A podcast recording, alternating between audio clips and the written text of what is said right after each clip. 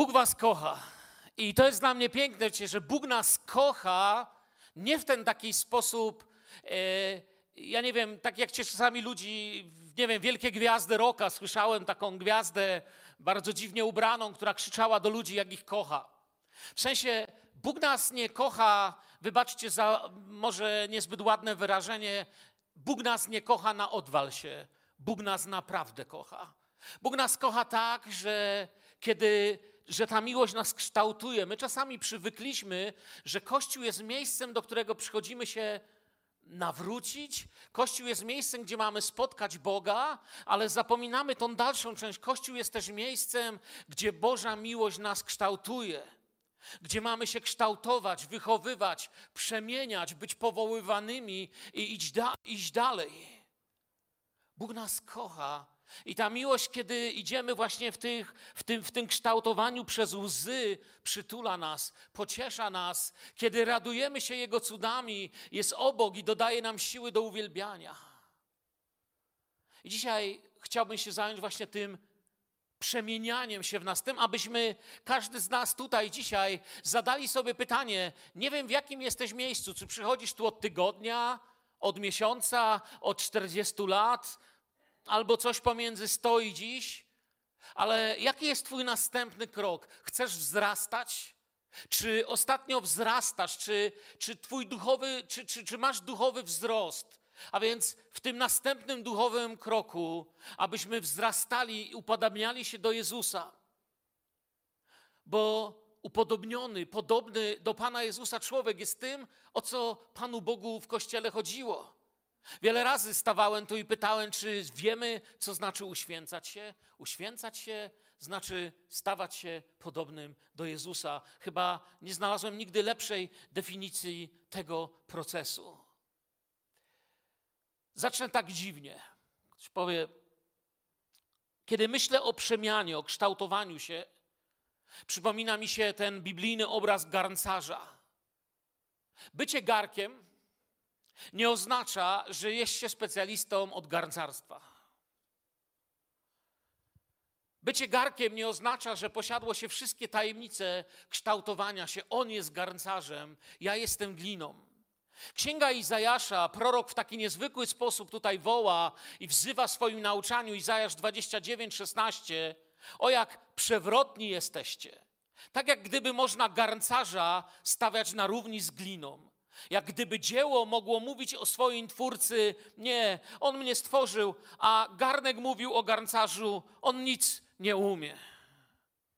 Bardzo głupi ten garnek tutaj. I czasami w naszym życiu w ten sposób postępujemy.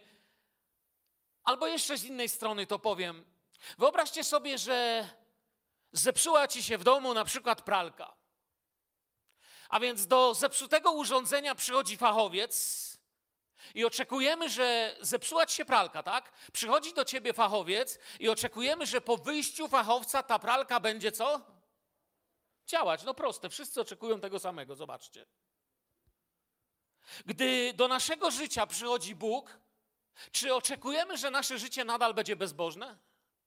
Gdy przychodzi fachowiec, garncarz, ten, który kształtuje, oczekujemy, że nasze życie będzie przemienione i to jest właściwe oczekiwanie.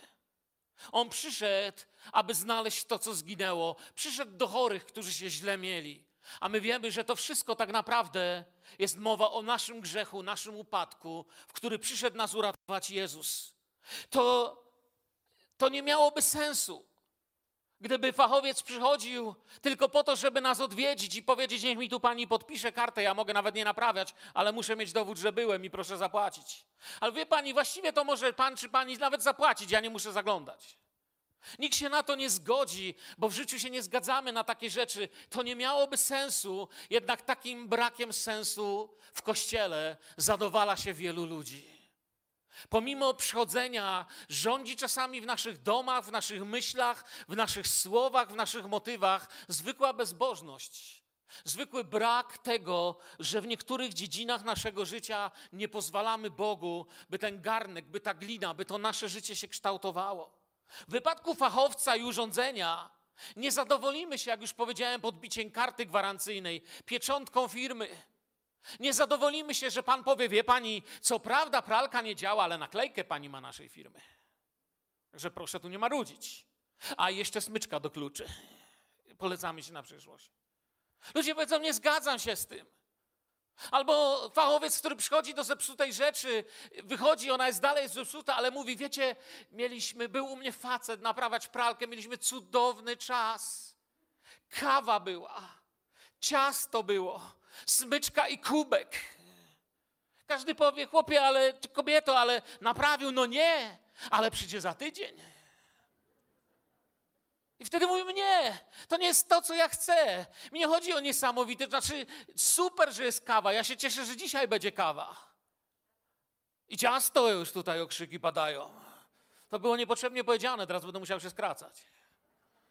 Ale e, to, to jest piękne, ale każdy z was, nie wiem, tu nie ma chyba jednej osoby, która przyszła po to właśnie. To jest coś innego, po co tu przychodzimy. I, I, nikt nie mówi tak o fachowcu, i tego samego chcemy w kościele. Nie zadowalajmy się tym, że pozostajemy tacy sami. Dlaczego w wypadku kościoła mielibyśmy postępować inaczej?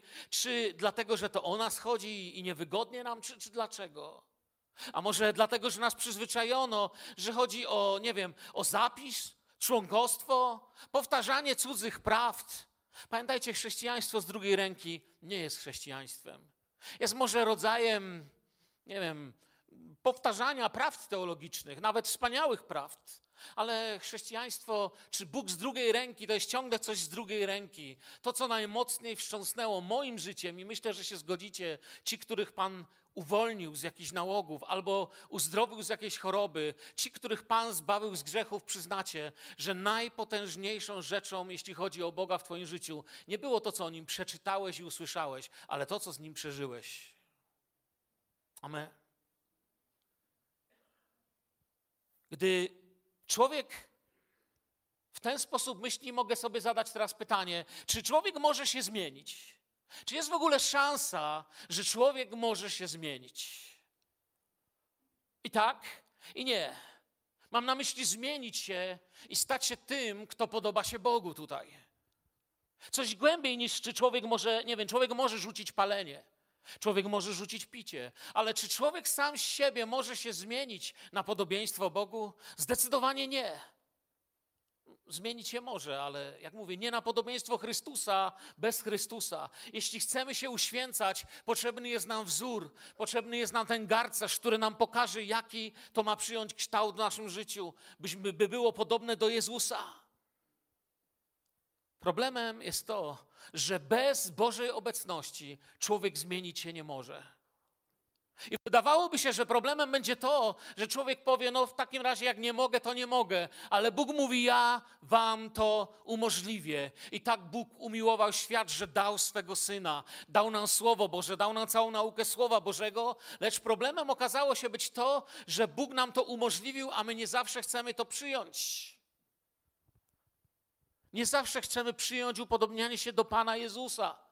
Ktoś powie, jak to nie zawsze? Powiem ci, być może jeszcze dzisiaj na korytarzu spotkasz kogoś, kto jeszcze w tej chwili czyste Twoje serce zaleje plotkami. Być może jeszcze na korytarzu spotkasz kogoś, kto nie będzie chciał Ci podać ręki, chociaż dzisiaj tutaj brał udział w winie i w chlebie. Skąd ten rodzaj bezbożności wśród nas się pojawia?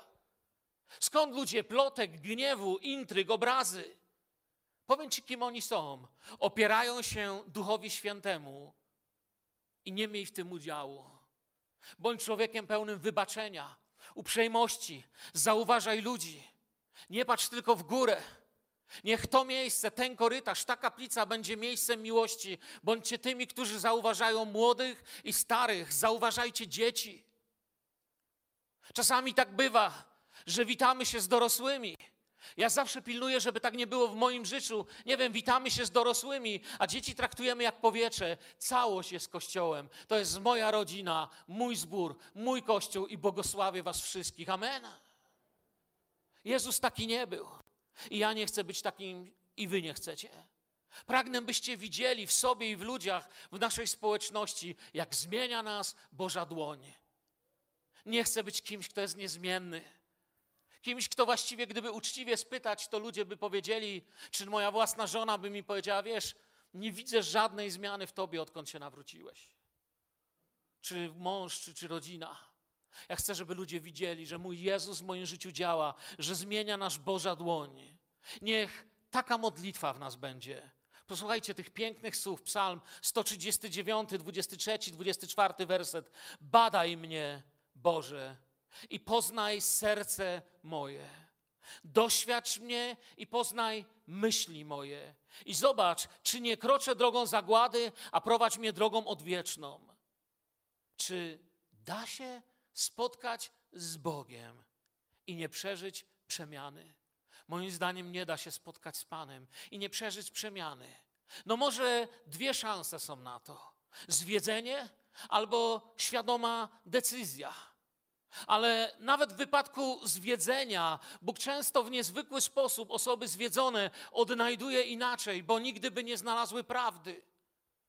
Właściwie jedyny sposób nie być przemienionym przy spotkaniu z Panem, to ze smutkiem od Niego odejść, to samemu się na tą przemianę nie zgodzić. Ale i to już właściwie jest jakaś zmiana. Nic nie zmieniło mojego życia, tak jak spotkanie z Jezusem. Ono zawsze zmienia. On ma, wiecie, więcej cierpliwości niż ludzie. Jezus czekał na wiele rzeczy w moim życiu dłużej niż ludzie. Bóg obdarzył nas cierpliwością, obdarzajmy cierpliwością innych. Obdarzył nas miłością i dał nam to, byśmy to mieli dla innych. Czasami ludzie, którym okazano cierpliwość, szybko stawali się radykalni. Ja miałem nawet takiego człowieka kiedyś w jednym ze swoich zborów, o którego się modliliśmy, bo był związany y, alkoholem.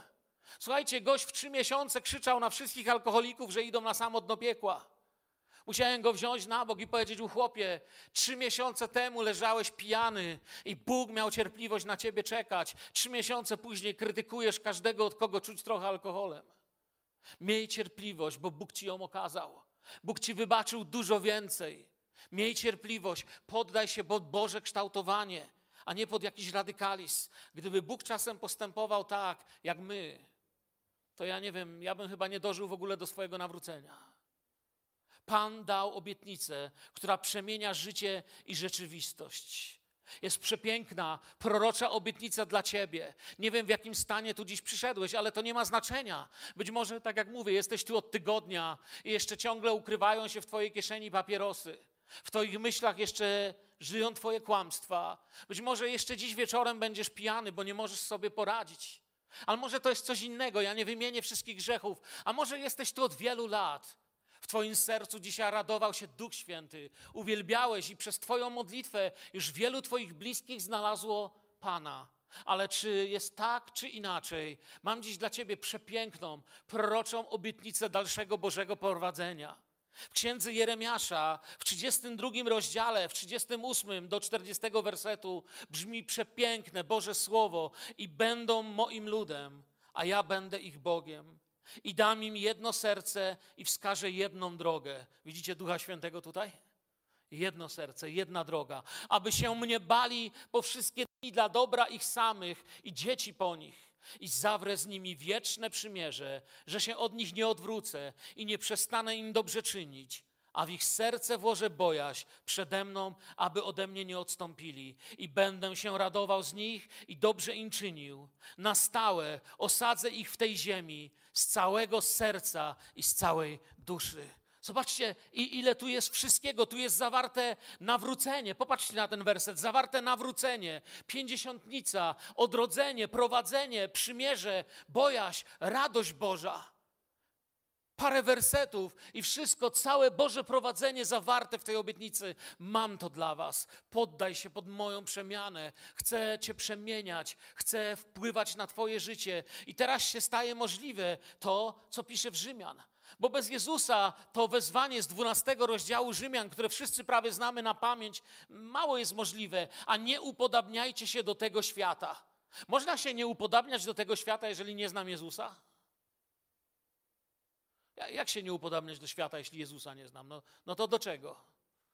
Musisz znać Jezusa, ale się przemięcie przez odnowienie umysłu swego, abyście umieli rozróżnić, co jest wolą Bożą, co jest dobre, co jest miłe i doskonałe. Moim zdaniem te wersety byłyby utopią, gdyby nie Jezus, gdyby nie działający w Kościele Duch Święty, bo o swoich siłach człowiek nie jest w stanie. Słuchajcie, jabłoń nie jest w stanie zmienić się w gruszkę, a co dopiero grzesznik świętego. Nie jest w stanie. Przemiana to poznanie woli Bożej, to poddanie się pod formowanie nas przez Jego Słowo. Przemiana to poznanie dobra, przemiana to poznanie tego, co jest miłe, co jest doskonałe. Ludzie, jak ja mogę poznać, co jest doskonałe, jeśli o Jezusie bym nie wiedział? Jakże mógłbym żyć i, i w ogóle coś takiego doświadczać, gdyby nie mój Jezus? I tak przemienia tylko osobiste spotkanie. W ten sposób, jak tu mamy w liście do Rzymian 12 rozdział, to co przed chwilą czytałem, to jest niemożliwe z drugiej ręki. To jest niemożliwe przez to, że gdzieś słyszało się, że coś tam, ktoś tam, kiedyś tam. To jest osobiste spotkanie. Pamiętacie? Nieraz to tu cytujemy. Panie, do kogo pójdziemy? Do kogo? Wielokrotnie podkreślałem to do kogo. Nie gdzie, nie jak, nie którędy, nie z czym, nie za ile. Do kogo? Osoba. Czasem w ciszy, czasem dramatycznie, czasem w krzyku, czasem w burzy. Różnie. I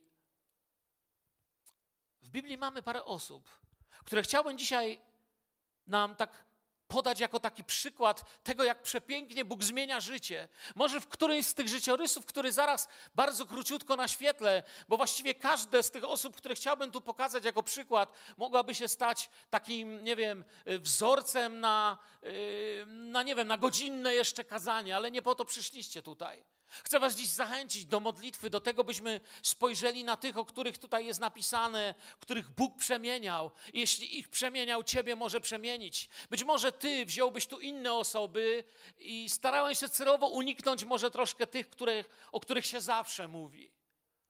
Więc wiadomo, że jako przemianę, przykład przemiany mógłbym podać yy, Szawła, który, który jako Paweł dał nam pół Nowego Testamentu, ale wybrałem troszkę inne osoby, może mniej widoczne, choć, choć, też niekoniecznie, bo na przykład pierwszym moim przykładem jest Mojżesz. A więc jedna z najważniejszych postaci Starego Testamentu. Tu uczymy się, że to nie przychodzi czasem tak szybko, jakbyśmy chcieli. Bo wiemy o Mojżeszu, że Mojżesz 40 lat to był naprawdę ktoś. Przez 40 lat Mojżesz był znany jako ten, który zajeżdżał na parking na najnowszym modelu Rydwanu z najlepszymi rasami koni. Był najmodniej ubrany i miał wstęp tam, gdzie wstępu inni nie byli. A więc 40 lat to był naprawdę ktoś. Potem 40 lat to był kompletnie nikt. A potem 40 lat to był nareszcie ktoś, kogo chciał mieć Bóg. Taki był Mojżesz. Zobaczcie, jak Bóg zmieniał. To nie była chwilka. Czy to oznacza, że mogę powiedzieć o sobie, nie ma problemu, też poczekam. Skoro Mojżesz miał 40 lat, no to ja też poczekam? Nie. Bo posłuszeństwo i lekcja trwa cały czas. To nie Mojżesz wyznaczał ten czas, to Bóg wyznaczał drogę Mojżesza i go prowadził. Ci, którzy uznali, że można lekceważyć, o nich Biblia pisze tak, że ich ciała zasłały piasek pustyni. Mojżesz nie lekceważył. Taki czas wyznaczył mu Bóg. Bóg miał dla niego i dla ciebie swój czas, ale Mojżesz jest dowodem, jak Bóg przemienia, jak Bóg sprawił, że był kimś, potem nikim, a potem nareszcie był tym, o czym myślimy, kiedy mówisz Mojżesz. Jego droga życiowa nie była łatwa, nie była wolna od błędów, ale Bóg go zmieniał. Jak mówię, popełniał błędy, ale nie zostawił Pana, po, po, po, pozwalał się prowadzić. I w tym prowadzeniu doszedł do takiego pięknego miejsca, kiedy w końcu powiedział: Pokaż mi Twoją chwałę. Chcę to oglądać, chcę widzieć Twoją chwałę. I Bóg postawił go na skalę. Psalmista Dawid później powie: Postawił moje nogi na skalę. Albo inna osoba, już może mniej trochę znana z Biblii, która pokazuje mi piękno Bożej przemiany, nierządnica Rahab. Tutaj uczymy się, że nieważne kim jesteś i co robisz, tajemnica zmiany nie jest w tym, kim jesteś, gdy przychodzi Jezus, ale kim jest Jezus, gdy do ciebie przychodzi. No bo kimże ona była? No, samo to, jak przyszła do historii. Nierządnica Rahab. Jakoś nie nazywamy jej, nikt nie mówi z teologów czy z mówców, dziś będę mówił o Rahab z Jericha. Wszyscy powiedzieli, a jest taka? Ale jak powiesz nierządnica Rahab, a ta. Przyznacie, że dziwne rozpoznanie. Nie mówimy o niej często jako o takiej zwykłej Rahab, ale właśnie nierządnica Rahab, nierządnica. W dziwnych czasach uwierzyła w dziwne zwiastowanie. Jak ktoś nie zrozumiał tego pięknego starego języka, to powiem to bardziej wprost. Prostytutka Rahab, bo to dokładnie znaczy nierządnica. I jest w Biblii, nie zgorszcie się. Kto jeszcze nie doczytał. Prostytutka to jest kobieta sprzedająca się za pieniądze. I jest w Biblii. Jest w genealogii Jezusa. Ona nie jest wstydliwie wspomniana tylko w jednym wersecie. I koniec. Jest wśród bohaterów Biblii. Przy wszystkich zaletach, jakie miała, może była mądra, może miała piękny ogród, itd., i tak dalej, i tak dalej. Nie jest znano jako, nie jest nam znana jako Rahab mądra, albo nie jest nam znana jako, nie wiem, Rahab ogrodniczka. Albo e, jeszcze inaczej, nierządnica Rahab. Tradycja rabinistyczna mówi, że była jedną z czterech najpiękniejszych kobiet Starego Testamentu. Wystarczyło jednak, że owa nierządnica Rahab zauważyła zwiadowców w Wierychu, zwróciła swoją twarz i zainteresowała się gdzieś w głębi siebie tym nowym ludem i tym Bogiem, który razem z tym ludem wędrował, i natychmiast ma wizytę policji w domu. Natychmiast zostaje poddawana pytaniom. Mówią do niej: hej, hej, hej. Myśmy widzieli, jak tu wchodziło kilku facetów. Przecież do niej ciągle wchodzili jacyś faceci. Ale oni zauważyli, że tym razem weszli inni. Że coś się dzieje w jej życiu. Natychmiast system, natychmiast zwrócił na nią uwagę.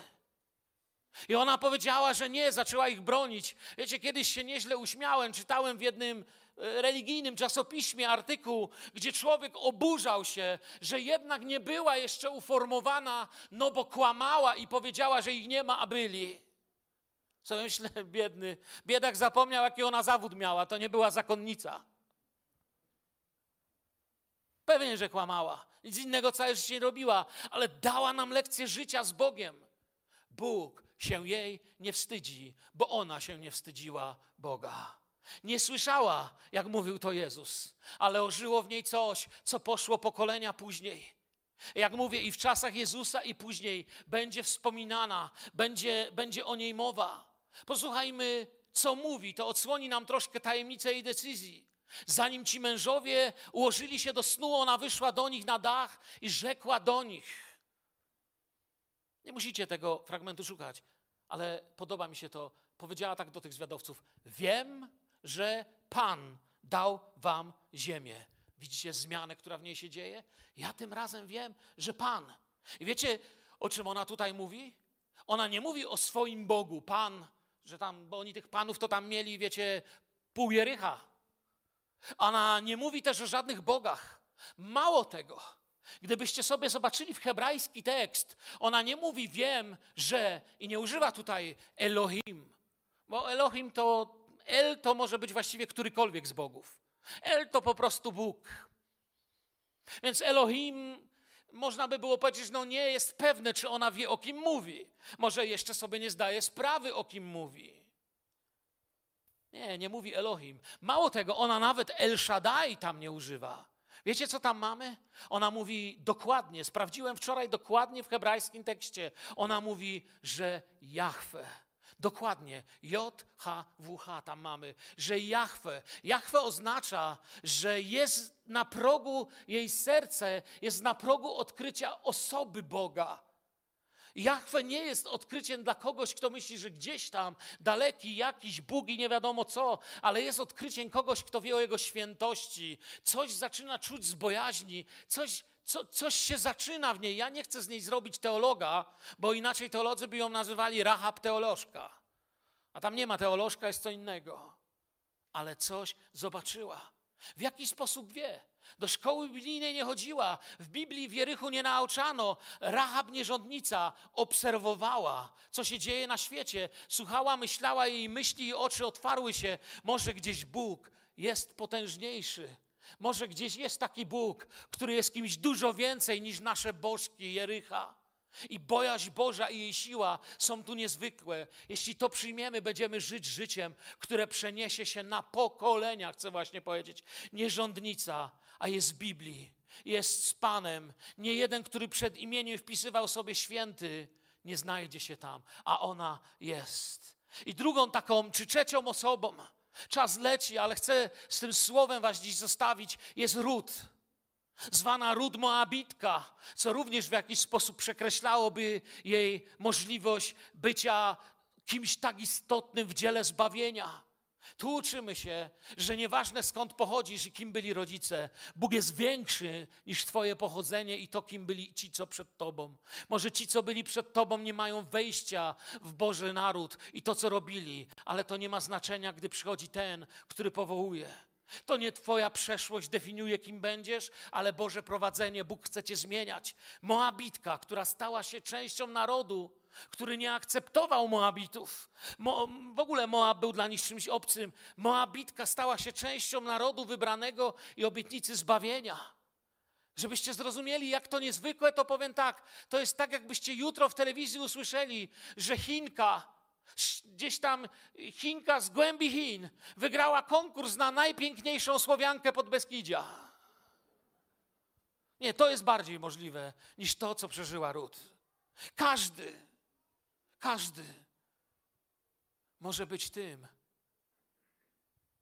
Bożym człowiekiem, tą częścią Bożego narodu, kiedy Bóg rozpoczyna dzieło w jego życiu, kiedy Bóg zaczyna działać.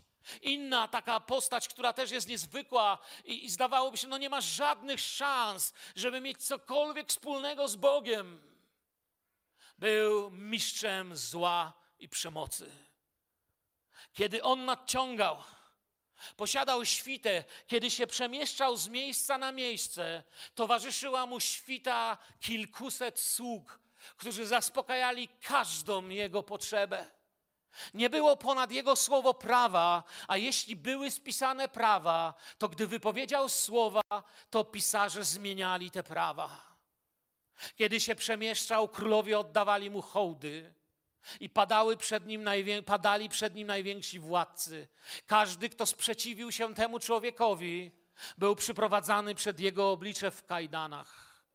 Mówiono na niego Nebukadnezar albo Nabuchodonozor, jak przeszedł do naszej historii. Od typu antychrysta pozwolił się przemienić Bogu w kogoś, kto stanie się wzorem pokory przed Stwórcą.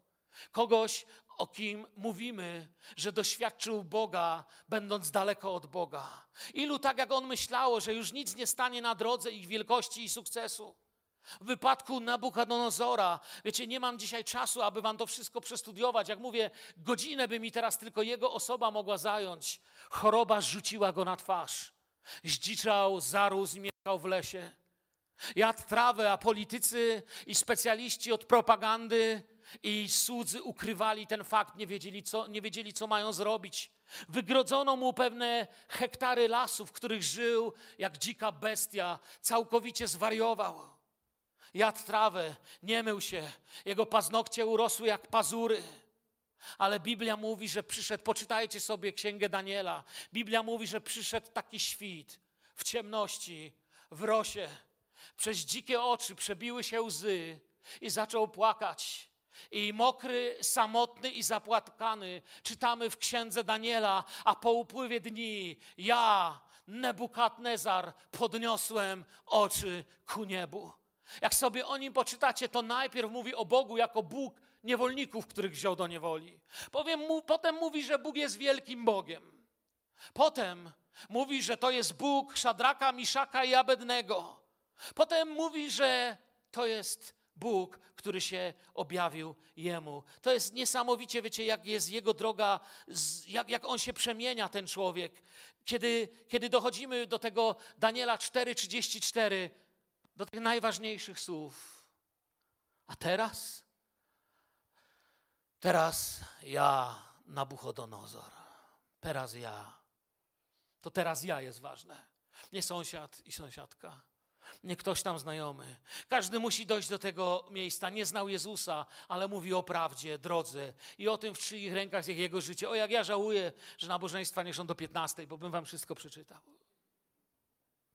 Tylu jest.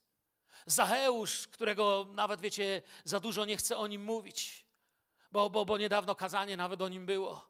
Gdzie ze zdrajcy i sprzedawczyka Bóg pozwolił się przemienić w Bogu, w Bogu w kogoś, kto wspaniale poszedł za Jezusem. Czy legendarny, dyskusyjny ciągle w teologii Szymon Zelota. Łukasz go nazywa Zelot. Czy dlatego, że był tak gorliwy, czy może właśnie dlatego, że jako Zelota bardziej patrzył na politykę, na Mesjasza, nie wiem. Tak go Łukasz nagrał, nazwał. Mało o nim wiemy, trzykrotnie wspomniany w Nowym Testamencie, znaczy w Ewangeliach, jeden raz w dziejach apostolskich, niewiele wiemy. Historia Kościoła mówi nam tylko o nim, że wyruszył z Ewangelią i podobno nawet odwiedzał Wyspy Brytyjskie. Wiadomo, że gdzieś w Persji został zamordowany w okrutny sposób. Historycy Kościoła mówią, że był przecięty żywcem na pół za ogłoszenie Ewangelii. A przyszedł jako polityk, jako znawca prawicy, lewicy. Nagle przestał patrzeć na prawo i na lewo, ale skierował w górę, bo tego, co w górze oczekujemy. Ojej, 11.30, a ja jestem w połowie. Będę kończył powoli. Przeskoczę trochę bohaterów biblijnych. Zacznie w dwóch częściach muszę robić kazania. Ale jeszcze wam o jednym chcę powiedzieć. Wiecie dlaczego? Bo nawet imię nie jest wspomniane. Nie mogę powiedzieć, że to była. Znaczy, są spekulacje, jak mogła mieć na imię. Nie będę się zajmował. Powiem, jak jest nazwana w historii. Jest nazwana w historii grzesznicą. Czego się tu uczymy? Tu uczymy się, że nie wiem, czy świat zna po imieniu swoich nieszczęśników. Kiedyś to wspominałem, że świat nieszczęśników woła po imieniu, które im nadaje. Niedawno to mówiłem. Ty pijaku, ty złodzieju, ty rozwodniku, ty rozwodniczko, ty cudzołożnico, ty taka, siaka, owaka, ty taki, siaki, owaki. Grzesznica. Świat zna ich po grzechu, Bóg zna ich po imieniu. Wiecie, pamiętam pijaka. Kiedy byłem dzieckiem, mieszkał pijak na czwartaków, gdzie się wychowałem. I, I zdałem sobie sprawę dużo, dużo później, że kiedy z chłopakami się bawiliśmy, nawet nie wiemy, jak on miał na imię. On po prostu zawsze wieczór szedł pijany do domu i zawsze z jego balkonu było słychać krzyki. I myśmy go nazywali pijak. Miał imię. Gdzieś kiedyś rodzice dali mu imię, bo wierzyli, że chłopiec się będzie tak nazywał i będzie dobrze żył. Nie wiem. Dla nas to był ten pijak. I gdy zgasła nadzieja, zostało mu tylko takie imię. Tu mamy podobny obraz, że pewna kobieta z tego miasta, Łukasz 7,37, grzesznica, dowiedziawszy się im zasiada przy stole w domu faryzeusza, przyniosła alabastrowy słoik olejku. Stanowszy z tyłu jego nóg, zapłakała i zaczęła łzami zalewać nogi jego i włosami swojej głowy wycierać, a całując jego stopy, namaszczała je olejkiem. Ujrzawszy to, faryzeusz, który go zaprosił, mówił sam w sobie. Gdyby ten był prorokiem, wiedziałby, kim i jaka jest ta kobieta, która go dotyka, dotyka bo to grzesznica. Oni siedzieli i myśleli. Ona pozwalała łasce przemieniać serce. To jest to, do czego Cię wzywam. Nie siedź i nie oceniaj. Nie porównuj. Nie patrz za cudzy płot. Pozwólmy się Jezusowi zmieniać. Pozwólmy się Jezusowi zmieniać. Naprawdę to, to jest piękne, jak Bóg chce zmieniać. Jest, jest w Biblii tylu ludzi, których Bóg przemienił. Ja powiedziałem, że już nie powiem, ale jeszcze jedna osoba mi przychodzi do głowy. Muszę o niej powiedzieć. Na pewno ją pamiętacie. Pamiętacie Łotra na krzyżu? Czy to był ktoś, kto się wpisuje w ogóle w jakieś. Wiecie, co jest przepiękne w tym człowieku? Wyszedł z sądu jako morderca i przestępca, a po kilku godzinach był święty. Kim jest pomiędzy tymi dwoma prawdami i wersetami Łukasza 26, 23, 32, 33, że prowadzono dwóch złoczyńców, aby razem z nim ich zgładzić. I ukrzyżowali go tam. I razem z nim tych złoczyńców, jednego po prawicy, drugiego po lewicy. Z tyłu widzicie całość wersetu. Kim on jest? W 42, 43? Jezu, wspomnij na mnie, gdy wejdziesz do królestwa swego. Co się w jego sercu stało? Czy to się może stać w twoim? To był bandyta i złoczyńca. A może dziś tu siedzisz i powiesz, ja sobie nie mogę poradzić z moim grzechem, z moimi problemami. Może innym się wydaje, że są małe. Kim on był pomiędzy tymi dwoma wersetami? Chcecie dziś wezwać do modlitwy. Jeszcze dzisiaj możesz powiedzieć, Panie Jezu, Cieszę się, że dałeś mi wejście do Twojej cudowności, do Twojego królestwa, do wieczności z Tobą. Ten człowiek nie miał żadnych szans nic zrobić, ale Bóg to czyni. Pomiędzy złoczyńcą a obywatelem królestwa jest ten, który spotyka Jezusa. Tak właśnie zbawienie wygląda w życiu wielu z nas. Wiecie, czy ja się nadawałem na dziecko Boże? Nie urodziłem się z kartką na dużym palcu u nogi, pastor dziecko Boże. Ja wiem, gdzie ja się nadawałem i wiem, co o mnie mówi Jezus. A więc ty i ja. Pozwólmy się przemieniać. Pamiętaj, nieprzemieniony człowiek w kościele jest jak. Wyobraź sobie, że jesteś strasznie głodny, bo świat jest dziś głodny miłości. A ja, mając talent, wezmę kamień w kształcie chleba, pomaluję go jak prawdziwy chleb i ci go wręczę. Czy to nie byłoby straszne? Kimś takim jest człowiek, otoczony słowami o Bogu, chodzący do kościoła, mówiący światu coś o Bogu, ale żyjący czymś zupełnie innym. Jest jak kamień. Czasem wspominamy to greckie metanoja, czyli przemianę umysłu wszystkiego. Albo w innym miejscu, gdzieś już czytałem, metamorfoza. Inne słowo. Kojarzą nam się z czymś szybkim. Ale hebrajski język oddaje przepięknie fakt przemiany człowieka. Po hebrajsku tam jest słowo szub. To jest taka przemiana wolniejsza. Jest jakby powrotem na miejsce, w którym zgubiłem to, co mi upadło. To, co padło, leży tam, gdzie spadło, a nie przede mną. Jest takim powrotem z Bożą pomocą, przemieniającym, przemieniającym kształt naczynia, które formuje Bóg. Chcę Wam przeczytać przepiękną Bożą obietnicę. Powstańmy do modlitwy. A temu, Juda 1,24, a temu, który was może uszczec od upadku i stawić nieskalanych z weselem przed obliczem swojej chwały, a temu, i to jest moje życzenie dla was, bracia i siostry, dzisiaj, w tą niedzielę, z czymkolwiek przychodzisz do Boga, jedynemu Bogu, Zbawicielowi naszemu przez Jezusa Chrystusa, Pana naszego, niech będzie chwała, uwielbienie, moc i władza przed wszystkimi wiekami i teraz i po wszystkie wieki. Amen.